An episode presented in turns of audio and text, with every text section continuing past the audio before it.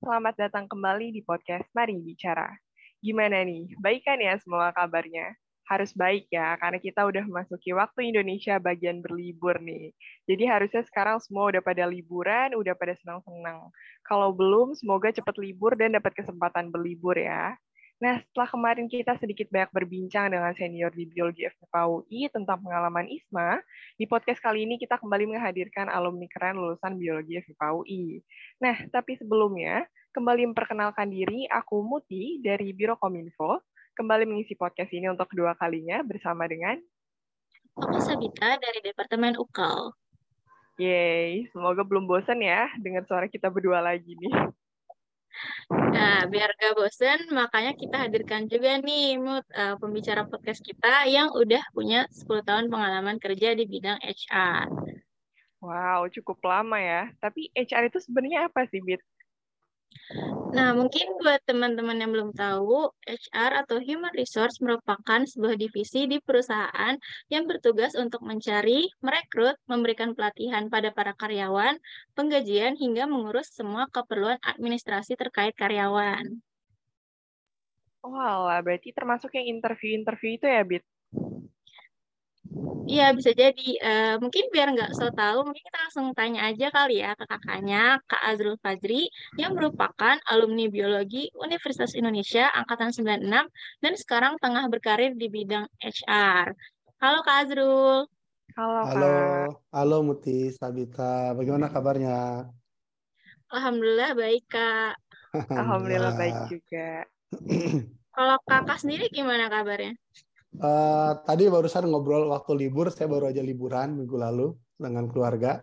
Jadi uh, ini lagi agak masih pegel-pegel, tapi hari ini udah ngantor uh, dan saya sekarang ngantor uh, working remotely. Uh, jadi saya nggak ada kantor khusus, jadi ngantor di rumah, modal internet, modal laptop, gitu kan, udah mulai kerja, gitu. Wah, wow, berarti baru habis berlibur ya kak, tapi ternyata mm -hmm. masih ada panggilan lagi untuk kerja. iya iya. Oke, seneng banget nih Kak. Akhirnya kita bisa ngobrol-ngobrol langsung sama Kak Azrul. Makasih banyak ya Kak Azrul udah menyempatkan waktu di tengah kesibukan dan tadi udah habis libur juga. Iya, iya. Oke, mungkin uh, sesuai yang kita tahu tadi ya Kak, Kak Azrul kan udah lumayan lama nih di bidang HR. Eh, uh, 10 tahun itu nggak sebentar loh Kak. Uh, jadi mungkin aku sedikit penasaran, uh, gimana sih uh, perasaan Kakak uh, bekerja sebagai HR? Ya, mungkin sedikit uh, history. Uh, saya uh, apa namanya waktu awal lulus kuliah itu nggak langsung kerja uh, di perusahaan gede yang profesional, tapi saya uh, ngebantu uh, senior saya uh, di bidang uh, consultant manajemen untuk uh, saya di bagian perbit buku. Ya, kemudian uh, ada beberapa proyek lain di bidang training dan sampai satu waktu ada kesempatan saya uh, pernah juga saya kerja di sekolah gitu ya, membawahi dua kepala sekolah tapi tidak lama dan setelah itu baru kemudian saya ada kesempatan untuk join di satu perusahaan uh, oil services uh, nasional. Di situlah saya pertama kali berinteraksi dengan HR, terutama di project. Nah, setelah dari perusahaan tersebut, baru kemudian saya ada opportunity untuk gabung di satu perusahaan healthcare uh, diagnostik. Uh, it's it's a small company, karyawannya juga nggak banyak waktu itu. Uh, tapi uh, perusahaan ini bagian uh, top three player lah healthcare diagnostik di Indonesia. Ah, nah, saya join di sana uh, dengan posisi membawahi HR because it's a small company. Jadi ada HR di sana, ada general affair di sana dan juga ada legal gitu. Nah, dari situlah kemudian saya merasa bahwa karena background pendidikan saya bukan di HR dan saya juga setelah lulus tidak langsung ke HR, saya merasa saya butuh banyak belajar uh, mengejar ketertinggalan. Kemudian saya kenal dengan teman-teman di komunitas HR gitu ya Indonesia. Dulu namanya pakai mailing list. Teman-teman mungkin sekarang nggak paham mailing list itu apa. Ya dulu kita punya namanya SDM list itu salah satu komunitas HR terbesar di Indonesia. Saya join di sana, kemudian uh, ikut acara uh, mereka kopi darat gitu ya uh, meet up uh, ketemu dengan senior senior dengan kolega HR terutama di Jabodetabek kemudian saya diminta jadi pengurus. Mulai dari situlah kemudian ketertarikan saya ke HR makin lama makin tumbuh dan saya juga bisa mempraktekkan uh, apa yang saya terima di komunitas HR dan dari situ kemudian sampai sekarang saya consistently ada di posisi HR uh, dan saya sudah ada pengalaman di banyak perusahaan baik startup company, perusahaan nasional, perusahaan established dan sekarang posisi saya sebagai regional HR business partner uh, Asia Pacific di startup company uh, di perusahaan yang provide uh, software untuk uh, untuk uh, F&B untuk restoran. Gitu kira-kira pengantarnya. Wah, panjang juga ya ceritanya. Jadi emang dari awal tuh nggak pengen ke HR gitu ya kak? Baru menikmati setelah jalan gitu? Uh, sebenarnya saya menikmati HR sudah lama karena kan HR sebenarnya bicara tentang orang ya, tentang organisasi. Dan dulu juga ketika di kampus saya juga terlibat dulu namanya Himbio, himpunan mahasiswa biologi. Ada badan otonom, badan semi otonom gitu. Saya dulu nggak tahu masih ada apa enggak. Dulu saya terlibat di Belekok, uh, badan semi otonom untuk uh, mahasiswa biologi pecinta burung gitu. Oh, sekarang namanya HMD ya. Kemudian saya pernah juga jadi ketua senat uh, Fakultas MIPA 99 sampai 2000. Dan saya ikut organisasi sudah sejak lama, sejak SD lah ya. SD uh, jadi ketua regu uh, apa gerak jalan, ikut di pramuka, ikut di uh, pers gitu ya. Saya juga dulu pernah di dulu kita punya tabloid uh, Natura uh, nggak tahu masih ada apa sekarang saya juga salah satu apa namanya dulu uh, masuk di sana jadi banyak organisasi saya suka orang saya suka ngembangin uh, organisasi dan ketika masuk ke dunia kerja dunia pasca kampus uh, nggak terasa asing gitu. Hanya memang medannya beda. Medan sekolah medan kampus medan mahasiswa dengan medan profesional beda gitu. Nah, tapi eh, apa namanya hal mendasarnya saya sudah sangat terbiasa. Jadi ketika masuk ke dunia HR enggak merasa asing, saya hanya butuh speed up gitu mengejar eh, hal-hal yang butuh saya eh, ketahui. Ilmu-ilmu HR juga banyak berkembang secara pesat. Eh, dulu mungkin orang nyebutnya personalia. Ya, kemudian ada ada human resources, kemudian muncul human capital gitu. Dulu HR lebih cenderung tadi ya disebutnya ngurusnya sifatnya administratif. Tapi sekarang ada lagi yang disebut HR business partner, HR strategic partner. Bagaimana membuat fungsi human resources di perusahaan, di organisasi, ataupun juga di perusahaan nirlaba, NGO, untuk bisa uh, memberikan kontribusi nilai tambah bukan hanya sekedar administrasi, tapi juga bagaimana mengalign uh, tujuan yang ada di organisasi uh, menjadi hidup dan terimplementasi di semua function, semua fungsi yang ada di organisasi tersebut. Gitu. Oke, berarti uh, kakak emang nggak terlalu asing lagi dengan bidang HR karena uh, sudah punya pengalaman di uh, non akademis yang tadi kakak udah ceritain ya. Ya. Uh, tapi kak buat di bidang HR sendiri nih uh, banyak nggak sih kak lulusan biologi yang kerja di bidang ini? Uh, kalau spesifik uh, yang saya tahu nggak banyak ya, sedikit gitu. Uh, apa namanya? Karena kan memang jumlah lulusan biologi juga nggak banyak gitu. Uh, tapi kalau uh, teman-teman yang lulusan biologi sudah berada pada level uh, senior manajemen, apalagi di level director, mau nggak mau mereka harus paham bagaimana mengelola people. Karena kan ngomongin bisnis, eksekusinya, planningnya by people, konsumennya people gitu. Jadi ilmu mengolah organisasi harus berkaitan dengan ilmu mengolah orang. Pada akhirnya, saya tahu beberapa teman-teman lulusan biologi uh, apa namanya yang berada pada C level bahkan juga jadi business owner, mereka tentu saja punya skill di bidang HR. Oh gitu, berarti emang sebelum kita ngomong ke ilmuwan biologinya pun untuk masuk ke HR itu yang paling penting justru skill ininya ya kak human resource-nya gitu ya. Ya pasti karena kalau ngomong organisasi ya sama kayak teman-teman di HMD pasti kan juga belajar tentang people relations, komunikasi, ya kan, negotiations, uh, menempatkan orang pada uh, apa namanya kelebihannya masing-masing. Itu kan juga satu uh, apa ilmu HR. Terus bagaimana nge-retain orang-orang hebat di organisasi. Itu juga salah satu fungsi HR. Iya, ya betul betul. Wah keren banget. Tapi biasanya kalau Kak Zul sendiri tahu nggak Kak biasanya kalau untuk lulusan biologi tuh kerjanya biasa di mana sih Kak? Mungkin kan tadi kalau HR yeah. kayak jarang gitu ya. Uh, kalau pengalaman saya di angkatan saya angkatan 96 ya, uh, kita nggak punya apa ya ada satu dua teman-teman yang fokus di bidang tertentu enggak kita tersebar ada yang di uh, kerja di BUMN ada yang apa namanya uh, punya bisnis sendiri ada yang akademisi ada yang di, uh, konsultan lingkungan ada yang jadi dosen. Dan dosennya bukan dosen biologi dosen dosen psikologi misalnya gitu.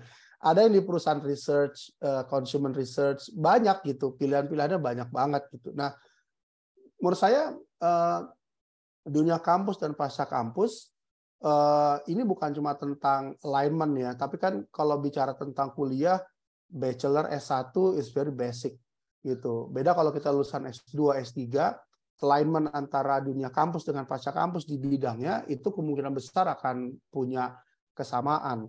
Tapi kalau baru S1 gitu, apalagi dulu zaman saya uh, kuliah kita nggak uh, terlalu menjurus antara kuliah di biologi kemudian kita harus kerja sebagai peneliti misalnya.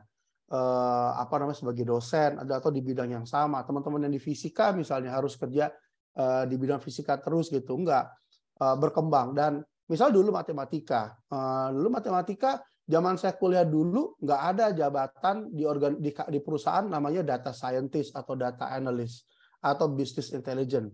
Sekarang posisi itu ada. Di dan teman-teman matematika yang senang statistik itu dikombin dengan ilmu machine learning, algoritma, semua segala macam bisa mengimplementasikan apa yang dipelajari bangku kuliah dalam lingkup industri yang berbeda-beda mau kerja di industri mana pun sekarang ini bicara tentang data itu adalah skill yang kayaknya is emas ya satu organisasi itu punya orang jago di data gitu.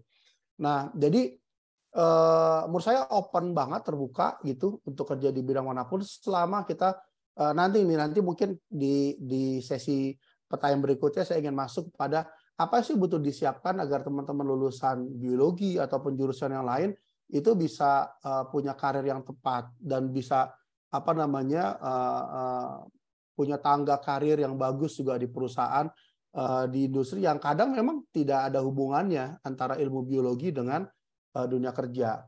Gitu sih. Mungkin ada hubungannya tapi nggak terlalu banyak ya. Kayak misalnya saya ilmu uh, saya dulu penelitiannya adalah ilmu perilaku hewan. Uh, skripsi saya adalah tentang perilaku agresif ikan cupang. Jadi uh, mungkin teman-teman uh, jarang. Saya nggak tahu masih ada ada nggak ya yang neliti itu Dulu pembimbing saya Pak Mufti. Pak Mufti Talapatria baru, pulang dari Jerman. Saya neliti pelaku agresif dan saya jadi banyak baca tentang buku-buku uh, textbook tentang agresif di spesies yang lain gitu. Kalau ditanya itu ada ada apa namanya uh, kontribusinya nggak di role saya sekarang sedikit banyak ada. Saya jadi uh, observing orang gitu kan. Kemudian ya, tadi saya bilang pengalaman saya di organisasi, interaksi dengan orang, itu juga sangat membantu saya ketika saya berinteraksi dengan orang-orang di perusahaan eh, tempat saya kerja. Oke, ternyata benar-benar luas banget nggak ya, nggak terlalu terbatas karena biologi, ternyata bisa ke mana aja. Uh, terus juga mungkin aku sedikit penasaran ke gara kakak bilang apa hmm. aja yang perlu disiapin untuk lulusan biologi, mungkin boleh kakak ceritain sekarang. Iya, uh, saya terus terang kalau dulu sebenarnya waktu mau lulus tuh kepikirannya ya kerja di NGO gitu kan di bidang lingkungan, konservasi sumber daya alam, which is itu bagian dari passion saya dan ada nilai idealismenya juga gitu. Uh, tapi memang uh, itu kan bicara tentang opportunity dan saya nggak melihat opportunity itu datang ke saya atau jumlahnya banyak. Teman-teman yang IP-nya lebih bagus dari saya lebih banyak gitu di biologi UI atau biologi kampus yang lain sehingga mereka lebih punya kesempatan. Nah, yang paling penting sebenarnya ketika teman-teman sudah di kuliah terutama tingkat 2, 3 atau bahkan tingkat akhir itu sudah harus tahu ketika kuliah, setelah pasca kuliah mau ngapain. mau lanjut S2 kah? Kalau lanjut S2 lagi apakah mau cari di Indonesia atau di luar negeri? Bagaimana untuk bisa dapetin channel kuliah luar negeri? Mau kerja, kerja di bidang apa? Mau di NGO filantropis misalnya atau mau di corporate atau bahkan mungkin uh, di government itu butuh di set gitu. Dari situ kemudian banyak opportunity sekarang uh, organisasi berbayar ataupun juga yang sifatnya uh, apa sosial memberikan kesempatan kepada teman-teman mahasiswa untuk uh, apa buat peta gitu. Zaman saya dulu nggak ada, sangat terbatas gitu. Tapi sekarang banyak banget gitu. Teman-teman misalnya mau switch kuliah di biologi tapi suka misalnya suka apa? Hmm, uh, uh, suka data science misalnya atau suka uh, tentang digital marketing, sekarang banyak banget bootcamp. Ya, uh, ada banyak bootcamp. Saya misalnya nyebutin ada Binar Academy, ada Revoyu, ada macam-macam banyak. Mau data scientist juga banyak gitu. Jadi untuk switch dari biologi misalnya ke uh, sesuatu yang teman-teman tertarik atau punya passion di bidangnya itu bisa cepat belajar, nggak harus kuliah sekarang ini. Nah itu sih uh, poinnya. Jadi tahu dulu mau ke mana gitu, uh, apa yang ingin dituju, baru nanti kita bisa build path uh, ke arah sana, uh, kolaborasi atau bergabung dengan komunitas yang benar-benar bisa uh, apa menyediakan wadah kita untuk menuju dunia pasca kampus. Itu dulu tuh tahu apa yang diinginkan dulu. Uh, bukan sekadar ikut-ikutan ya, tapi benar-benar tahu dan uh, oke, okay, this is something that I want to do bahwa ini uh, nilai yang ingin saya uh, berikan ini impact yang ingin saya sampaikan ke ke komunitas ke masyarakat dan uh, oke okay, saya akan jalan ke arah sana. Nah, finding the path, uh, finding uh, the purpose, terus kemudian caranya ke mana itu baru itu next stepnya gitu. Nah, uh, bagaimana kalau teman-teman yang memang ingin berkarir uh, di apa namanya di biologi, nggak masalah juga malah mungkin bagus dan kita butuh. Waktu itu saya ikut juga satu uh, webinar uh, dari uh, biologi UI tentang uh, mikro uh, sampah ya, mikroplastik gitu. Itu menarik banget gitu. Saya sampai sekarang mungkin karena saya kuliah di biologi ya, saya jadi punya kepedulian tentang lingkungan, punya kepedulian tentang alam dan ke mana pun saya pergi dalam kesempatan apa pun saya selalu relate gitu dengan ide dengan mindset tersebut gitu dan itu juga bagi saya satu hal yang embedded di saya karena saya pernah kuliah di biologi. Teman-teman yang misalnya ingin konsentrasi di uh, mikrobiologi, dulu saya waktu SMA uh, tugas akhir saya bicara tentang re, nulis tentang rekayasa genetika misalnya gitu. Banyak topik-topik yang lain yang menurut saya mungkin di Indonesia masih belum tereksplor gitu. Uh, jadi tahu dulu mau ke mana, kemudian buat petnya ke arah situ dan dan nanti teman-teman akan banyak menemukan opportunity lembaga-lembaga wadah-wadah komunitas yang mengantarkan teman-teman uh, bisa sampai ke tujuan purpose dari dunia pasca kampus yang diinginkan. Oke, berarti kalau dianalogikan mungkin seperti berkendara gitu ya kak. Kayak kita harus tahu dulu nih tujuan kita mau pergi hmm, ke mana, terus baru betul. tahu. Iya, ya. benar. Siap nih. Oke, terus aku jadi pengen tahu deh, ini kan Kak Azul tadi udah 10 tahun gitu ya Kak berkarir di HR. Dan hmm. tentunya itu udah bertemu, uh, bertemu banyak banget nih sama orang-orang yang melamar pekerjaan, terus hmm. melakukan interview. Nah, ada nggak sih Kak kayak momen interview yang paling melekat atau meninggalkan kenangan paling membekas gitu sampai saat ini masih keinget? Uh, banyak ya, baik saya sebagai orang yang diinterview ataupun saya menginterview uh, banyak banget gitu uh, saya pernah menginterview uh, apa namanya uh, senior director perusahaan gede di Indonesia itu bareng dengan uh, CEO owner di tempat saya kerja. Saya uh, apa namanya uh, ya tentu saya juga pernah menginterview tim saya uh, mahasiswa yang ingin cari posisi magang. Jadi at all level saya pernah merasakan gitu. Uh, tapi kalau ditanya pengalaman interview yang menarik itu bagi saya mungkin hampir semua interview menarik ya. Pertama, kalau saya sebagai interviewer, saya diberikan kesempatan untuk uh, kan saya invite orang nih, misalnya uh, Sabita, Sabita apply gitu kan di perusahaan saya kerja. Uh, saya shortlist CV-nya masuk ke saya, oh menarik nih profilnya gitu. Kemudian saya undang interview. Bisa aja dong Sabita nolak gitu. Ah nggak ah gitu. Saya memang udah apply tapi saya ternyata nggak tertarik dengan perusahaannya uh, tempat saya kerja gitu. Tapi ternyata Sabita oke okay. itu kan berarti uh, apa ada ada ketertarikan gitu. Kemudian ya kita ngobrol 15 to 30 minutes gitu kan. Uh, sama juga ketika saya jadi uh, interview misalnya, mungkin kalau boleh cerita pengalaman yang menarik, kadang saya apply itu enggak apa not for the sake of saya tertarik untuk pindah. Tapi saya apply karena saya tertarik hadir interview dan saya belajar perusahaannya. Uh, satu waktu saya pernah diinterview oleh satu perusahaan, it's not a big company actually, perusahaannya juga uh, di Jakarta, dia perusahaan plastik manufacturing. Uh, dari headhunter gitu. Kemudian saya diinterview di warung di di kopi ya coffee shop di Plaza Senayan waktu itu. Dan langsung dengan dengan dengan ownernya. Ownernya masih muda, generasi ketiga. Uh, dan di situ kesempatan saya selama satu jam lebih ngobrol, belajar uh, tentang HR, tentang bangun bisnis gitu. Eventually saya nggak lanjut prosesnya. Uh, nggak tahu karena alasan apa, mungkin karena salary yang nggak match, atau profil yang nggak match gitu karena saya nggak punya pengalaman di dunia pabrik di manufacturing sementara perusahaannya is very manufacturing heavy tapi nggak masalah gitu dari situ sebenarnya saya jadi tahu oh prosesnya kayak begini gitu atau pernah ketika saya uh, interview di perusahaan retail ada kandidat dari Bandung datang gitu uh, ternyata ketika waktu panel interview ya saya dengan store manager ketika interview kita digging gitu. Apa sih motifnya? Kita deep dive, isunya apa? Secara technical skill orang ini mumpuni, no issue at all. Tapi kemudian ada ada hal yang mendasar bagi kami sehingga kami memutuskan nggak lanjut. Itu motivasi dia. Motivasi dia itu uh, untuk untuk cari dan pindah itu karena dia ada isu dengan keluarganya. Keluarganya di Bandung dan dia ingin punya kerjaan di Jakarta gitu. Kita nggak mau Eh, menerima orang tanda kutip yang hanya sebatas pelarian gitu. Akhirnya nanti kalau kita terima ternyata isunya nggak selesai, dia mungkin akan balik lagi atau itu akan punya kontribusi ke performance dia karena dia jadi terpikir tentang istri dan anaknya yang belum selesai di di kota yang lain gitu. Akhirnya kita bilang gini ke dia, you're good candidate gitu, uh, but we will not proceed with your candidacy. Kenapa kita jelasin?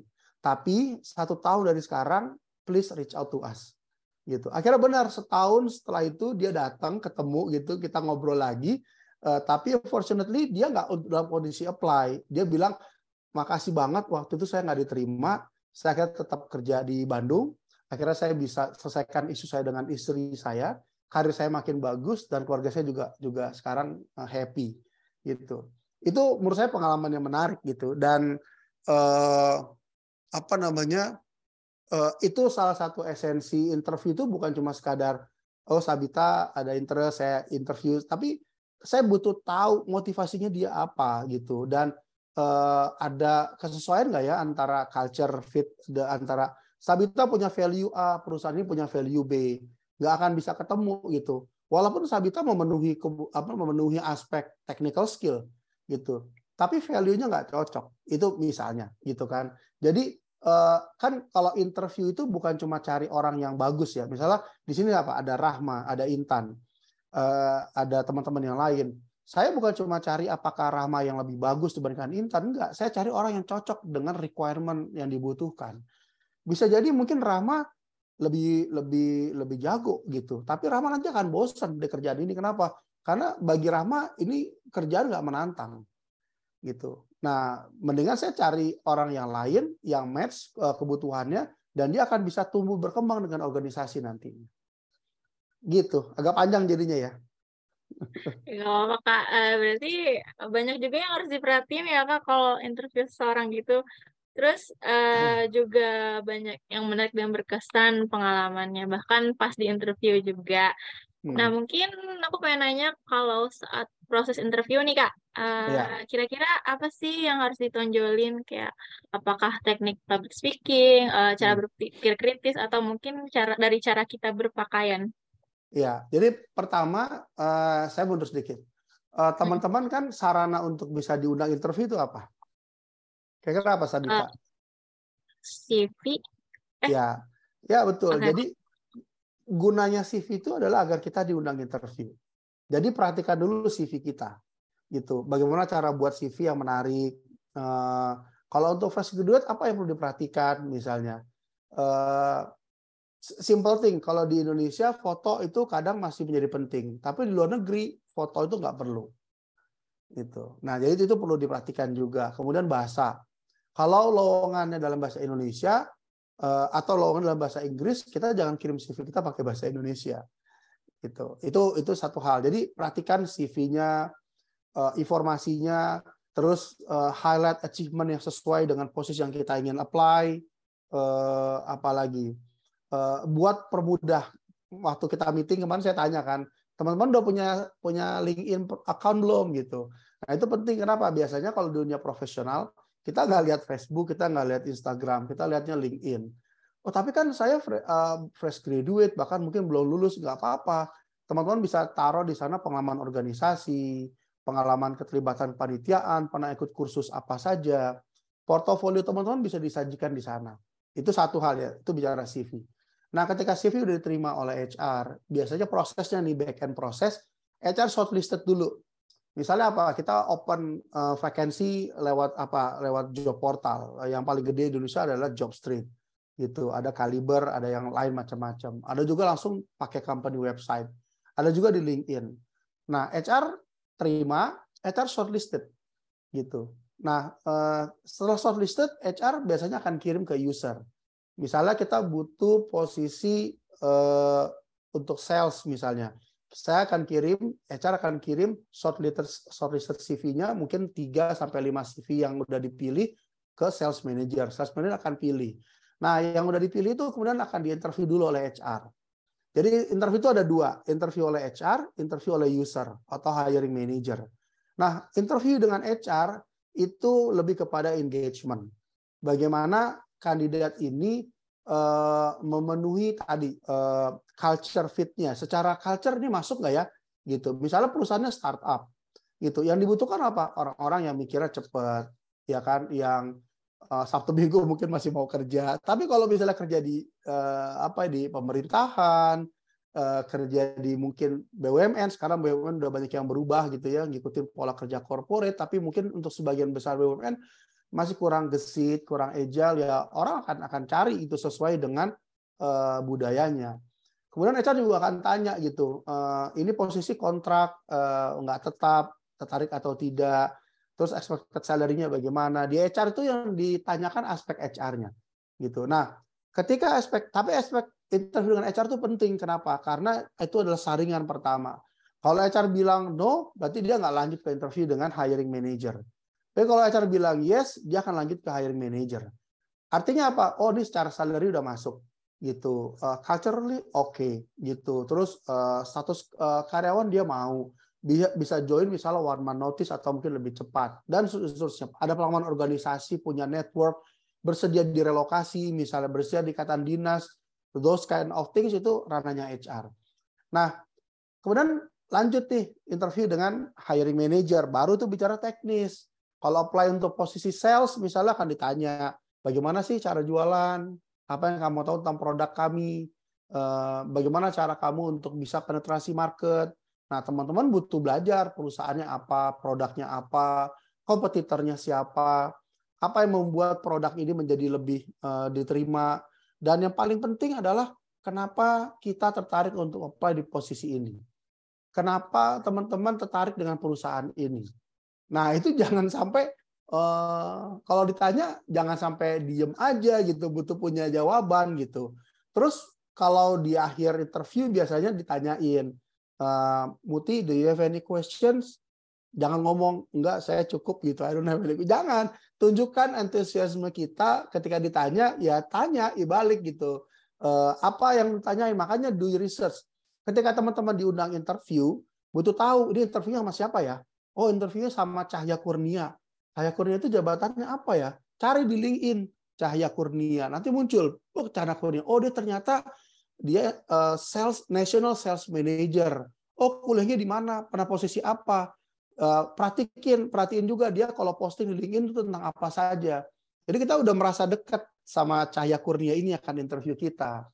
Nah itu juga gitu. Terus riset perusahaan. Jangan sampai kita hadir interview, job desk kita nggak tahu, posisi ini apa nggak tahu gitu. Kalau gitu, uh, saya sebagai interviewer merasa bahwa you're not you're not well prepared gitu dan uh, kita punya kandidat lain nih gitu. Kan kalau interview orang kan saya nggak punya nggak mungkin interview cuma Nazi, Nadiza aja. Saya pasti akan interview juga Rahma Intan dan saya akan comparing mana yang lebih cocok untuk mengisi posisi yang saya butuhkan. Itu. Oke. okay. Uh, uh, jadi uh, ternyata CV itu juga lumayan berperan besar ya kak, dan juga banyak aspek yang harus diperhatiin, uh, terutama yeah. requirementnya, hmm. dan itu juga tergantung pekerjaan yang dilamar ya kak. Jadi kayak banyak yang harus siapin gitu. Betul okay. banget, betul banget. Penting, CV itu penting banget. Oke, mungkin sebenarnya ini lebih ke rasa penasaran pribadi ya, Kak. Uh, hmm. Aku ini orangnya kan lumayan aktif di sosial media yeah. dan gak jarang juga muncul kayak konten seputar interview. Misal kontennya itu pertanyaan yang biasa ditanyakan oleh HR. Nah, kadang pas lihat itu aku jadi bertanya-tanya gitu, Kak. Uh, apakah itu benar dan apakah seorang HR tuh boleh menyebarkan hal seperti itu di sosial media. Saya terkadang gak jarang juga kak pertanyaannya tuh kayak mungkin aneh atau unik. Kayak misalnya ya kayak pertanyaan yang mungkin kakak pernah dengar ya? Kayak kalau aku adalah binatang gitu. Binatang apa yang merepresentasikan anda? Iya, iya, iya. benar gak sih kak konten-konten seperti itu? Eh uh, gini benar atau tidak uh, itu gini, apakah teknik itu valid atau tidak itu dua hal yang berbeda. Kalau saya saya nggak saya nggak pernah my entire career nggak pernah saya menerima pertanyaan itu dari dari dari interviewer dan saya nggak pernah nanya itu juga ke kandidat itu karena bagi saya pertanyaan itu nggak penting dan nggak ada relevansinya dengan proses interview. Tapi kalau ditanya, tapi ada nggak HR yang nanya kayak gitu atau user ada nggak tanya gitu? Ada. Bahkan pertanyaan yang lebih aneh dari itu juga ada gitu. Uh, pertanyaan yang lebih aneh dari itu misalnya gini, uh, eh kamu uh, kalau uh, bisa ceritain nggak kamu kalau bangun pagi ngapain aja ya, gitu. Terus kalau kamu udah berkeluarga, kamu nyuci piring nggak di rumah? Ada nggak pertanyaan seperti itu? Ada gitu. Uh, dan saya pernah dengar juga gitu. Nah, uh, tapi begini, saya ingin cerita prosesnya. Ketika proses gini, uh, ketika kita CV masuk gitu kan, itu proses yang namanya seleksi berjalan. Kan misalnya begini, dulu saya ingat banget hmm, rasio untuk cari orang sales frontliners itu rasio itu satu banding 60 untuk bisa diinterview. Ya, bahkan ada lebih gede lagi. 200 CV yang masuk cuma satu yang dipanggil untuk interview. Gitu. Nah, jadi bisa bayangin teman-teman sama kan teman-teman juga kuliah di biologi kan juga pasti kan nyingkirin saingan-saingan. Ya kan sama juga apply juga sama gitu. Nah, ketika ini saringan pertama interview dengan uh, eh, HR. Misalnya lima orang di interview, tiga orang gagal, cuma dua. Dua yang lanjut ke hiring manager, dari dua cuma pilih satu. Nah, jadi make the best of every uh, pipeline. Kalau memang is uh, buat CV, CV yang terbaik. Interview dengan HR, build engagement yang bagus dengan HR. Setelah itu diundang interview dengan user, make sure bahwa teman-teman itu adalah kandidat yang tepat untuk mengisi posisi tersebut gitu. Nah, nanti ada tes tuh. Nah, biasanya prosesnya itu ada banyak uh, seleksi tools. Ada orang yang nyebutnya psikotes atau psikometrik gitu. Uh, ada yang sifatnya profiling aja. Oh, kita butuh orang yang sifat kita kalau butuh butuh orang sales, kita butuh orang sifatnya hunter. Ya, yang senang cari akuisisi uh, yang senang cari customer baru, senang masuk ke daerah-daerah baru gitu, babat abis kompetitor punya account misalnya tapi juga ada orang sales biasanya di account itu yang yang sifatnya farmer. Dia senang jaga relations gitu. Uh, di per, apa namanya uh, customer yang sudah ada sama dia disayang gitu kan, dijagain, kebutuhannya diikutin gitu. Jadi profil orang beda-beda untuk sales. Kemudian ada lagi sales yang sifatnya assessment biasanya. Assessment itu biasanya lebih dari satu orang. Uh, dikelompokin, ada ada case study, ada diskusinya, ada uh, playgroup segala macam. Jadi aja banyak tools. Ada juga yang sifatnya online assessment. Nah, itu itu menurut saya tools-tools yang uh, sering dipakai. Tapi tools yang paling sering dipakai adalah interview. di beberapa perusahaan yang saya ikutin, mereka biasanya uh, lebih senang interview tapi banyak. Misalnya interviewnya dengan empat orang misalnya atau dengan lima orang, gitu. Kenapa? Akhirnya mereka konsensus untuk ngambil keputusan. Oh di antara lima kandidat ini mana yang kita pilih? Udah kasih scoring, mereka sepakat berlima. Kenapa? Biasanya interview nggak ada nggak ada biaya. Tapi kalau teman-teman ikut psikotes pasti ada biaya, gitu. Eh, nah itu jadi jadi jadi pertimbangan. Nah Bagaimana kalau menghadapi pertanyaan-pertanyaan yang aneh kayak tadi? Ya kalau kamu binatang, kamu jadi apa gitu? Hmm, apa ya? Saya agak bingung kalau saya pada pertanyaan seperti itu. mungkin maaf, mungkin saya akan balik tanya ke interviewernya, hmm, Mbak atau Mas atau Pak atau Bu, kira-kira maksud dari pertanyaan ini apa ya? Gitu. Tanya aja untuk dapetin konteksnya. Gitu. Kadang-kadang kita kalau nggak jelas jangan dijawab. Uh, kalau kita nggak tahu ya jangan dijawab. Kita cari clarity. saya saya punya pengalaman. Saya nggak punya pengalaman sih ditanyain yang pertanyaan aneh-aneh. Jadi saya agak bingung dan saya juga nggak pernah nanyain pertanyaan yang aneh ke kandidat. Tapi kalau saya cenderung kasih advice ke teman-teman, kalau dapat pertanyaan seperti itu, lebih baik ditanya ulang ke ke interviewernya. Kira-kira uh, objektif dari pertanyaan ini ke arah apa? Dan itu nanti akan muncul tuh gitu. Oh enggak saya ingin tahu aja sih gitu. Kira-kira bagaimana kamu mengekspor diri kamu oh kalau mengekspor diri saya saya orangnya begini begini begini gitu. Daripada kita menjawab pertanyaan saya kucing misalnya. Tapi tanya kenapa kamu jadi kucing? Jadinya kan aneh gitu. Nah, kalau kita biologi kita jelasin lagi. Oh enggak saya kadal. Oh kadal ya saya kadal spesiesnya Moboia multifasciata. Kan bingung nanti yang diinterview karena bukan orang biologi gitu. Kalau kamu bunga kamu bunga apa? Saya hibiscus rosa sinensis apa pula itu bunganya kan nggak tahu gitu jadi mendingan disamain aja gitu apa objektif dari pertanyaan ini itu yang akan kita kita kasih feedbacknya gitu gitu Oke, menarik banget. Berarti memang ada ya Kak perusahaan-perusahaan yang mungkin menanyakan itu mungkin karena requirement dari perusahaan itu juga gitu ya? Hmm, bukan requirement multi menurut saya karena mereka nggak punya ilmunya. Gitu. Jadi gini, uh, teknik interview itu punya teknik, namanya behavior event interview. Uh, teman-teman psikologi pasti tahu itu. Atau pakai STAR. Jadi kita bertanya, asumsinya gini, your past, your past uh, behavior ya predict your future behavior. Misalnya gini, saya tanya sama Bita ya, Bita, uh, kamu punya pengalaman stres nggak ya? Mungkin waktu ngurus skripsi atau tugas gitu. Oh ya, ada kak gitu. Bisa di share nggak dulu waktu kamu stres tuh kayak apa yang kamu lakuin? Nah, saya lagi mancing nih, Bita itu kalau ngadepin posisi under pressure, dia akan ngelakuin apa? Gitu. Oh, saya kalau stres saya bakal banting-banting meja. Wah, kalau itu saya nggak bakal terima Sabita gitu. Tapi kalau misalnya misalnya gini uh, Muti misalnya Muti uh, saya tanya kamu ada uh, misalnya gini pertanyaan yang umum ya tapi ini saya jarang juga nanya tapi bisa jadi pertanyaan Muti what is your weakness oh saya orangnya kadang uh, kurang kurang punctual kurang tepat waktu terus saya akan balik tanya ke ke Muti atau Muti udah nyiapin nih jawaban berikutnya tapi saya punya cara menyiasati supaya saya bisa uh, mengatasi kekurangan saya yaitu saya buat uh, reminder saya buat to-do list misalnya. Dan bukan sekedar to-do list, tapi punya metode to-do list yang unik banget. Sekarang banyak banget metode to-do list yang lebih efektif dibandingkan sekedar buat list-list. Gitu. Jadi hal-hal tersebut itu memang eh, ada tekniknya gitu. Eh, nggak sembarangan orang tanya. Eh, saya eh, saya pernah jadi mentor, eh, jadi jadi karir coach, dan saya pernah di training juga oleh oleh satu eh, bootcamp. Menarik cara mereka uh, apa namanya uh, dan mereka implementasi tadi saya bilang behavior event interview.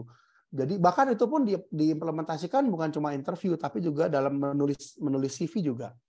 Jadi situasinya apa, tugasnya apa, actionnya apa, resultnya apa, pakai metode STAR. Nah teman-teman juga bagus tuh kalau ditanya jawabnya pakai metode STAR. Itu menandakan dan itu punya frame tersendiri buat teman-teman saat nanti menjawab interview. Misalnya saya tanya begini misalnya ya, uh, ini kalau untuk orang yang sudah berpengalaman. Misalnya dia posisinya adalah sebagai uh, marketing supervisor, ya. Uh, saya tanya gitu, apa KPI kamu? Gitu, apa objektif key result kamu? Itu pertanyaan standar dari HR biasanya. Oh KPI saya begini begini begini. Bagaimana cara kamu bisa achieve KPI kamu? Nah itu bisa jawab pakai pakai metode atau frame star. Itu ngebantu banget gitu. Contohnya adalah misalnya hmm, apa ya uh, yang relate sama teman-teman di uh, biologi. Oh misalnya gini deh, teman-teman di bagian dana usaha cari uang gitu. Misalnya kalau saya tanya, bagaimana cara kamu untuk achieve pendanaan program? Apa yang kamu lakukan? Pasti kan teman-teman akan bilang, oh budget untuk kegiatan ini misalnya eh, uh, 30 juta gitu. Dan saya uh, punya plan untuk bisa achieve tersebut, yaitu saya jelasin, oh saya ingin masuk sponsorship sekian, saya akan buat kontrapetasi, saya ingin masuk ke BUMN sekian, gitu. Terus dibuat uh, menarik mungkin supaya menarik perusahaan-perusahaan untuk bisa mensponsori acara ini. Jadi bicaranya bicara teknis karena kalau interview dengan user itu bicara tentang hasil. Apa yang kamu lakukan untuk bisa achieve your performance gitu. Uh, saya dulu punya teman kalau di kepanitiaan dulu di Fakultas MIPA tuh senat, dia selalu megang dana dan usaha. Dan dia selalu achieve target bahkan bisa lebih sehingga pembubaran panitia bisa makan enak, bisa buat kaos pembubaran panitia gitu. Dan memang dia jago banget gitu, jago buat jago pitching, jago apa namanya meyakinkan orang gitu. Dan dia build relationship walaupun misalnya oh nggak tembus nggak apa-apa. Nanti tahun depan atau buat semester depan kita ngadain saya datangin lagi gitu. Atau dia datang ke direktur perusahaan jelas CEO dia benar-benar ngelakuin gitu pendekatan dan di maintain sama dia. Nah saya kenapa cerita banyak tentang hal ini? Agar teman-teman bisa relate antara dunia kerja dengan dunia kampus sebenarnya itu ada hubungannya.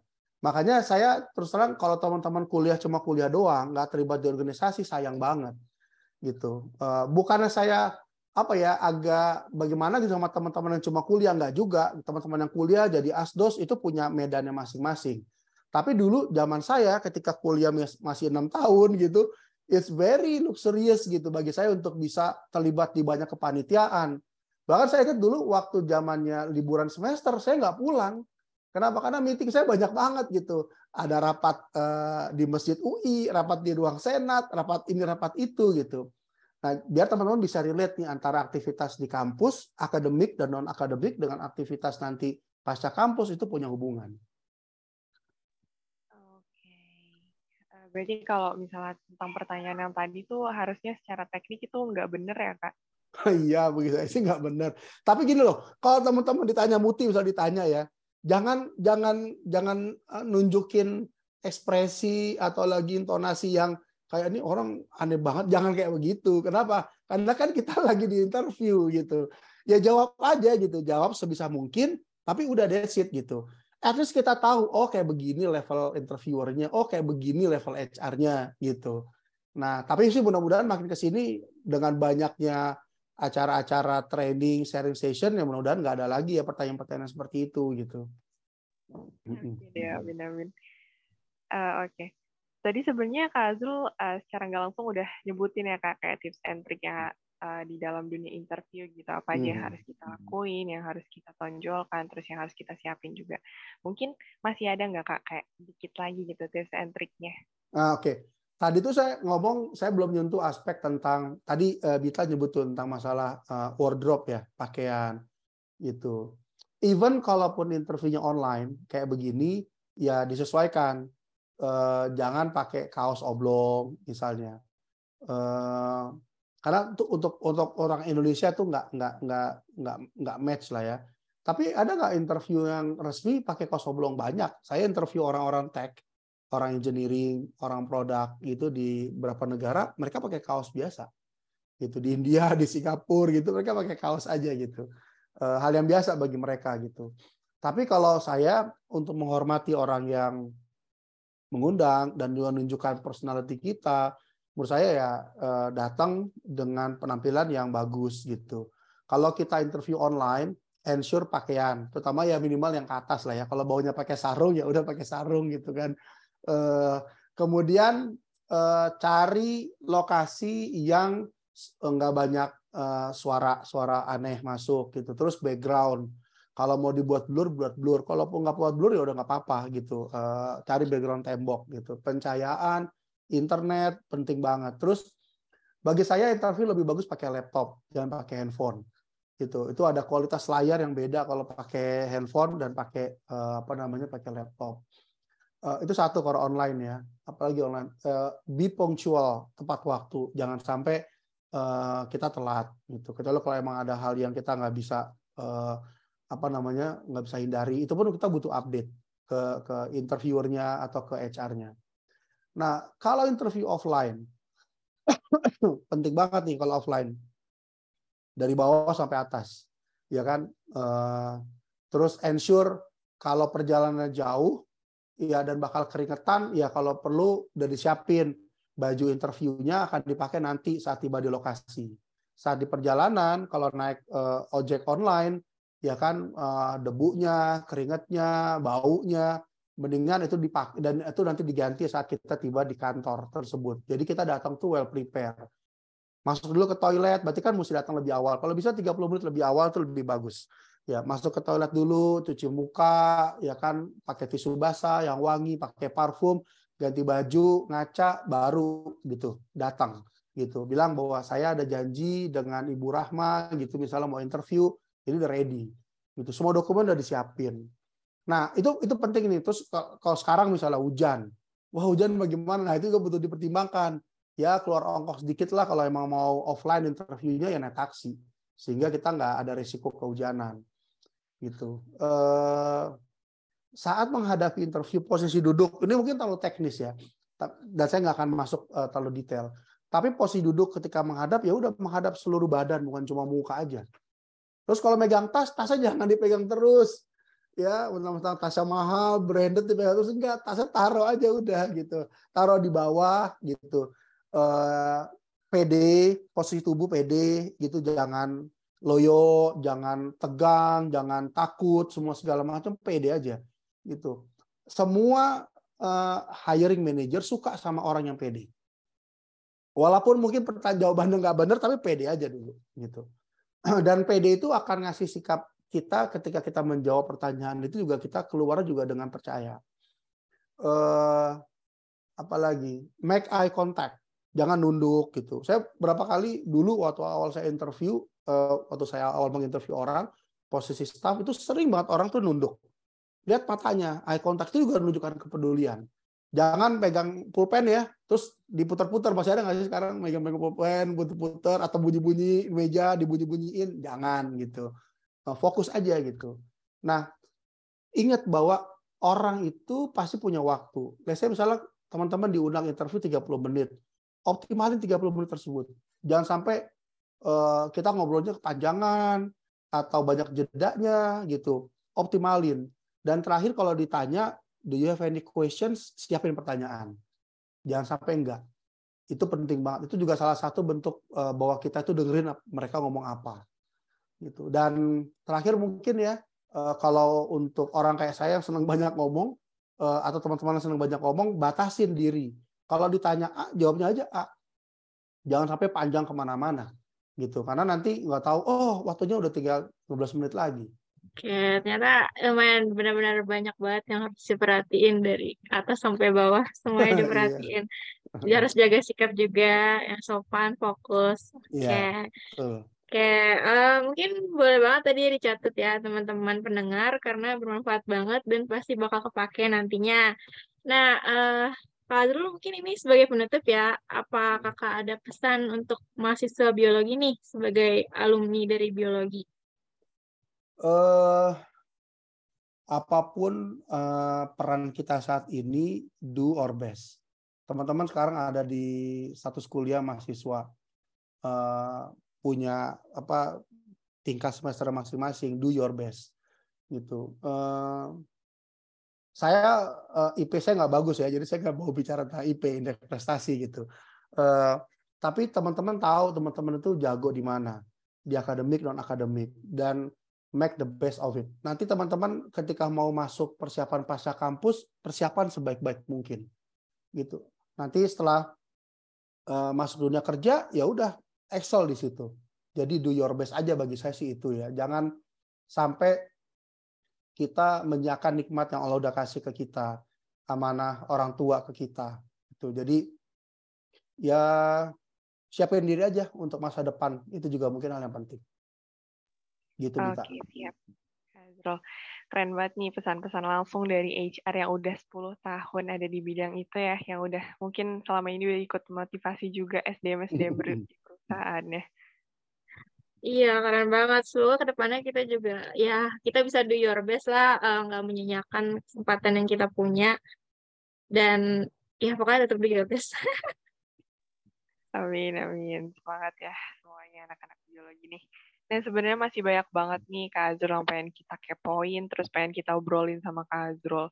Tapi sayang banget kan ada keterbatasan waktu juga, dan aku lihat-lihat Kak Azrul ini juga sibuk banget ya orangnya, jadi kayaknya abis ini kayaknya masih ada kesibukan lain juga. Jadi kayaknya kita cukupkan dulu podcast kita di sini kali ini. Makasih banyak banget Kak Azrul udah menyempatkan hadir. sama-sama teman-teman semua. Iya, Ya, semoga nanti ke depannya bisa ketemu lagi ya Kak, bincang-bincang lagi. terima kasih Siap. banyak Kak Azrul. Sama-sama, Em, makasih. Makasih juga ya buat para pendengar kita yang udah setia mendengarkan sampai akhir. Semoga dari obrolan aku dan Muti bersama Kak Azrul ini bisa menjawab semua pertanyaan terkait dunia interview yang sebelumnya belum terjawab. Amin. Di sini aku Muti, Dan aku Sabita. kami berdua pamit undur diri. Sampai jumpa Sampai lagi. jumpa lagi.